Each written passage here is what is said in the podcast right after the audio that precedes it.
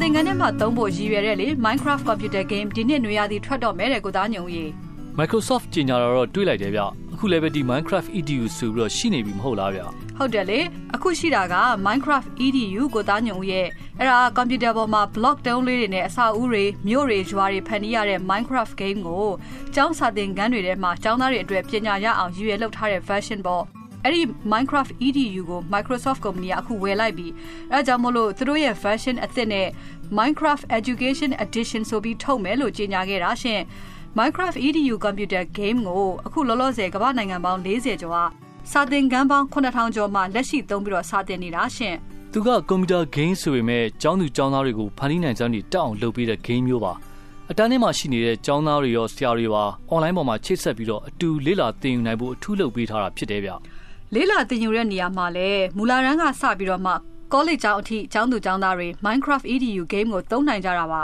စာရေးတာဖတ်တာကနေပြီးတော့သမိုင်းသိပ္ပံသင်္ချာအမှုပညာပညာရပ်တွေနောက်ပြီးတော့ဒီ computer programming တို့မျိုးပြစီမံကိန်းတို့ engineer ပညာရပ်ပိုင်းမျိုးတွေကိုလည်းလေ့လာသင်ယူလို့ရတယ်နောက်ဒီ Microsoft ရဲ့အပြောအရတော့စာသင်ခန်းတွေအတွက်ကိုရည်ရွယ်တဲ့ဒီ computer game တွေကြောင့်မလို့အတတ်ပညာတွေမဟုတ်ဘူးဒီ online ကဘာထဲမှာနိုင်ငံသားတယောက်ရဲ့တာဝန်တွေကဘာလဲသူတစ်ပါးအပေါ်ဘယ်လိုမျိုးစာနာစိမ်မျိုးထားရမလဲစတဲ့ဒီလူမှုဆက်ဆံရေးပိုင်းအသိပညာတွေအထိကိုနားလည်သိနိုင်ကြတယ်လို့ဆိုတယ် ရောင်စုံ၄တောင် blog တုံးလေးတွေသုံးပြီးတော့ online ပေါ်မှာကိုဖန်တီးခြင်းတဲ့ကဘာကြီးကိုဖန်တီးယူရတာမျိုးမို့လို့ကျောင်းသူကျောင်းသားတွေကလည်းသဘောကျတယ်ဗျ။သူတို့တက်ကပညာသင်နေတဲ့လေ့လာနေတဲ့ဆိုတာမျိုးမဟုတ်တော့ဘဲနဲ့ game ကစားနေတယ်လို့မျိုးဖြစ်နေတာကိုဗျဟုတ်တယ်ရှင်ဒီအီတလီမှာမိတောင်ပေါက်ပြီးတော့ချော်ရည်တွေဖုံးသွားခဲ့တဲ့ရှေးဟောင်းပွန်ပင်မျိုးကြီးအကြောင်းတို့အီဂျစ်ကပီရမစ်တွေအကြောင်းတို့တခါဒီ Greek ကရှေးဟောင်းဖျားเจ้าတွေအကြောင်းတို့ကိုဒီအတိုင်းသင်မယ်ဆိုလို့ရှိရင်သူတို့စိတ်ဝင်စားခြင်းမှာစိတ်ဝင်စားမယ်အဲ့လိုမျိုးမြို့ဟောင်းတွေအဆောက်အဦဟောင်းတွေကို ကိုရိုင်းဒီ online ပေါ်မှာအတုံးလေးတွေနဲ့ပြန်ဆောက်ဖန်တီးမယ်ဆိုလို့ရှိရင်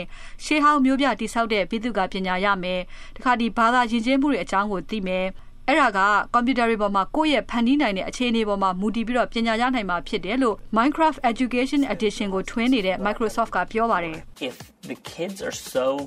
incredibly passionate about this game, there's obviously value in it to them. It's not that it helps kids learn different. They've been learning that way. They've been learning through gaming. It helps us see the way that they learn different. And I think that is the biggest game changer. Minecraft Education Edition နဲ့ပတ်သက်တဲ့ Microsoft ရဲ့ဆောင်းပါးထဲမှာဆိုလို့ရှိရင်ဒီ New Zealand နိုင်ငံက Alfred College ကကျောင်းသူကျောင်းသားတွေက Auckland စစ်သမိုင်းပြတိုက်နဲ့ပေါင်းပြီးတော့မှဒီပထမကမ္ဘာစစ်ပွဲမှာ New Zealand ပြည်သူတွေဘယ်လိုပါဝင်ခဲ့တယ်ဆိုတာကို Minecraft game နဲ့ပြန်ပြီးတော့ဖန်တီးလေ့လာကြရဲဆိုတဲ့အကြောင်းကိုဥပမာပေးထားတယ်ကိုသားညုံရဲ့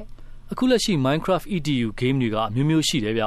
အဓိကကတော့ကိုဖြစ်စေခြင်းတဲ့မြို့တွေရွာတွေနေရာတွေမျိုးဖန်တီးရတာမျိုးဖြစ်တော့ကိုတယောက်တည်းကစားရတာတဲ့ဒီ game တစ်ခုတည်းကိုပဲ online ပေါ်မှာလူတွေအများကြီးချိတ်ဆက်ကစားကြရင်ပို့ပြီးတော့စိတ်ဝင်စားဖို့ကောင်းတယ် မျှဝေဖန်တီးရတာကိုလည်းနားလည်သွားကြနိုင်တာပေါ့မဆုမြတ်မော။ကျောင်းစာသင်ခန်းတွေအတွက်ရည်ရွယ်တဲ့ Minecraft EDU game တွေအားလုံးက online ပေါ်မှာကျောင်းသားတွေအများကြီးချိတ်ဆက်ပြီးတော့ကစားကြအောင်လို့လုပ်ထားတာပါ။ပါဝင်ကစားကြတဲ့သူတွေအနေနဲ့ game ပေါ်မှာမူတည်ပြီးတော့မှ game ထဲမှာသူတို့ပါဝင်ပြီးတော့လုပ်ရတဲ့ပုံစံတွေကမတူကြတော့အတွေ့အကြုံသစ်တွေလည်းရနိုင်တယ်။ဒီကဘာအသစ်မှာပြဿနာကိုဘယ်လိုအဖြေရှာကြမလဲဆိုတာမျိုးနီးသစ်ရှာဖွေတဲ့အတွေ့အကြုံတွေကိုလည်းရနိုင်ကြတယ်လို့ဆရာဆရာမတွေကပြောပါတယ် သူတို့ကိုယ်တိုင်ကလည်းចောင်းသူចောင်းသားတွေကိုဒီသူတို့လေးလာစေခြင်းတဲ့အတိုင်း game တွေကိုပြုပြင်ယူလို့ရတဲ့အတွက်ထိရောက်တယ်လို့ဆိုရရှင်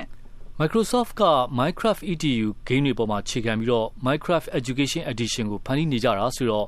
Education Edition ထွက်လာလို့ရှိရင်ဒီ Minecraft EDU သွင်းထားတဲ့ set တွေအားလုံးကိုတစ်နှစ်စာအခမဲ့ download ပေးလို့မယ်လို့သိရတယ်။ Minecraft Education Edition ပဲတက်တက်ကိုယ့်ရဲ့ကွန်ပျူတာထဲမှာ download သွင်းပြီးတော့ကစားမယ်ဆိုရင်တစ်နှစ်စာ9ဒေါ်လာပေးရမှာဖြစ်ပါတယ်။ ထွက်ထွက်ချင်းအစမ်းကာလမှာတော့အခမဲ့ပေးထားမယ်လို့ Microsoft ရဲ့ blog မှာရေးထားပါတယ်။ software company ကြီးဖြစ်တဲ့ Microsoft ရဲ့ဒီ Windows software တွေကအရင်တော့ကတော့စာသင်ခန်းတိုင်းလိုလိုမှာနေရာယူထားပေမဲ့လည်းအခုနောက်ပိုင်းတော့ဒီ Google ရဲ့ Chrome operating system လိုမျိုး ပိုပြီးတော့တန်ဖိုးနေတဲ့ operating system တွေကအစားထိုးလာတဲ့နောက် Apple ရဲ့ iPad တို့ Samsung ရဲ့ Galaxy Note တို့လိုမျိုး tablet computer တွေကကျောင်းကန်းတွေထဲမှာနေရာယူလာတယ်လေ။ The Verge Online Media ကြီးရဲ့ဆောင်းပါးထဲမှာဆိုလို့ရှိရင်အဲ့လိုမျိုးအခြေအနေမျိုးတွေကြောင့်မလို့ Microsoft ကကျောင်းသူကျောင်းသားတွေကြားမှာရေပန်းစားနေပြီးသား Minecraft EDU ကိုဝယ်ပြီးတော့မှဈေးကွက်မှာပြန်ပြီးလွှမ်းမိုးနိုင်ဖို့စ조사တာဖြစ်တယ်လို့ရေးတယ်ရှင်။တခြားမကြည့်နဲ့ Minecraft game ကိုပဲကြည့်လေ။ အဲ့ဒီ Minecraft computer game ကိုတကဘာလုံးမှာ register လုပ်ကစားနေကြတဲ့သူပေါင်းက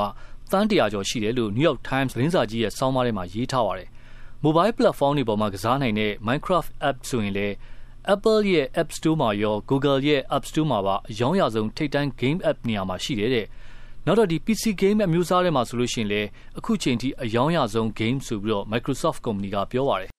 အဲ့ဒီ Minecraft game တုန်းကလည်းဒီမူလထွေတဲ့ကုမ္ပဏီစီကနေပြီးတော့ Microsoft ကဒေါ်လာသန်း2000ကျော်နဲ့ဝယ်လိုက်တာနော် Microsoft လက်ထဲကိုရောက်တာတနစ်ခွဲကျော်လောက်ရှိသွားပြီ game ကအခုချိန်ထိဆက်ပြီးတော့အောင်မြင်နေတော့မှာပဲဒါပေမဲ့အဲ့ဒီ game app ကြောင့်မို့လို့ Microsoft ကဒီသူ့ရဲ့ smartphone တွေအယောင်တက်မယ်လို့မျှော်လင့်ထားတာဖြစ်မလာတဲ့အချက်ကိုလည်း New York Times သတင်းစာဆောင်းပါးထဲမှာထောက်ပြထားတယ်ကိုသားညုံရဲ့အခုတခါ Minecraft Education Edition နဲ့ Microsoft ကုမ္ပဏီရဲ့အောင်မြင်မှုတိုးဖို့မျှော်လင့်နေတာတော့ဟုတ်ပါပြီ တကယ်တမ်းကျတော့ကျောင်းကန်းတွေထဲမှာသုံးနိုင်ဖို့ Office 365 Education ဆိုတဲ့ software မျိုးကလည်းရှိနေပြီးသားလေ။နောက်လက်ရှိ Minecraft EDU game ကိုသုံးလို့ကျောင်းသူကျောင်းသားတွေရဲ့ပညာရေးမှာတကယ်တိုးတက်လာတယ်ဆိုတာတက်တည်ပြနိုင်တဲ့လေးလာဆန်းစစ်မှုတွေကလည်းသိမရှိသေးဘူးမဆီမမော်ရဲ့အခုတော့ဒီ American တွေက main တက္ကသိုလ်ကဒေါ်လာ2သန်းအကုန်ခံပြီးတော့မှလေးလာမှုလုပ်မယ်လို့ကြေညာထားပြီကိုသားညုံဦးရဲ့ game တွေကြောင့်မို့လို့ဒီတင်ချာသိပ္ပံနဲ့ engineer ဘာသာရပ်တွေအပေါ်ကျောင်းသူကျောင်းသားတွေရဲ့စိတ်ဝင်စားမှုဘလို့တက်ရောက်မှုရှိသလဲဆိုတာကိုလေ့လာကြမှာပါတခုရှိတာကတော့ Minecraft game အပါအဝင်ဒီတခြား game တွေက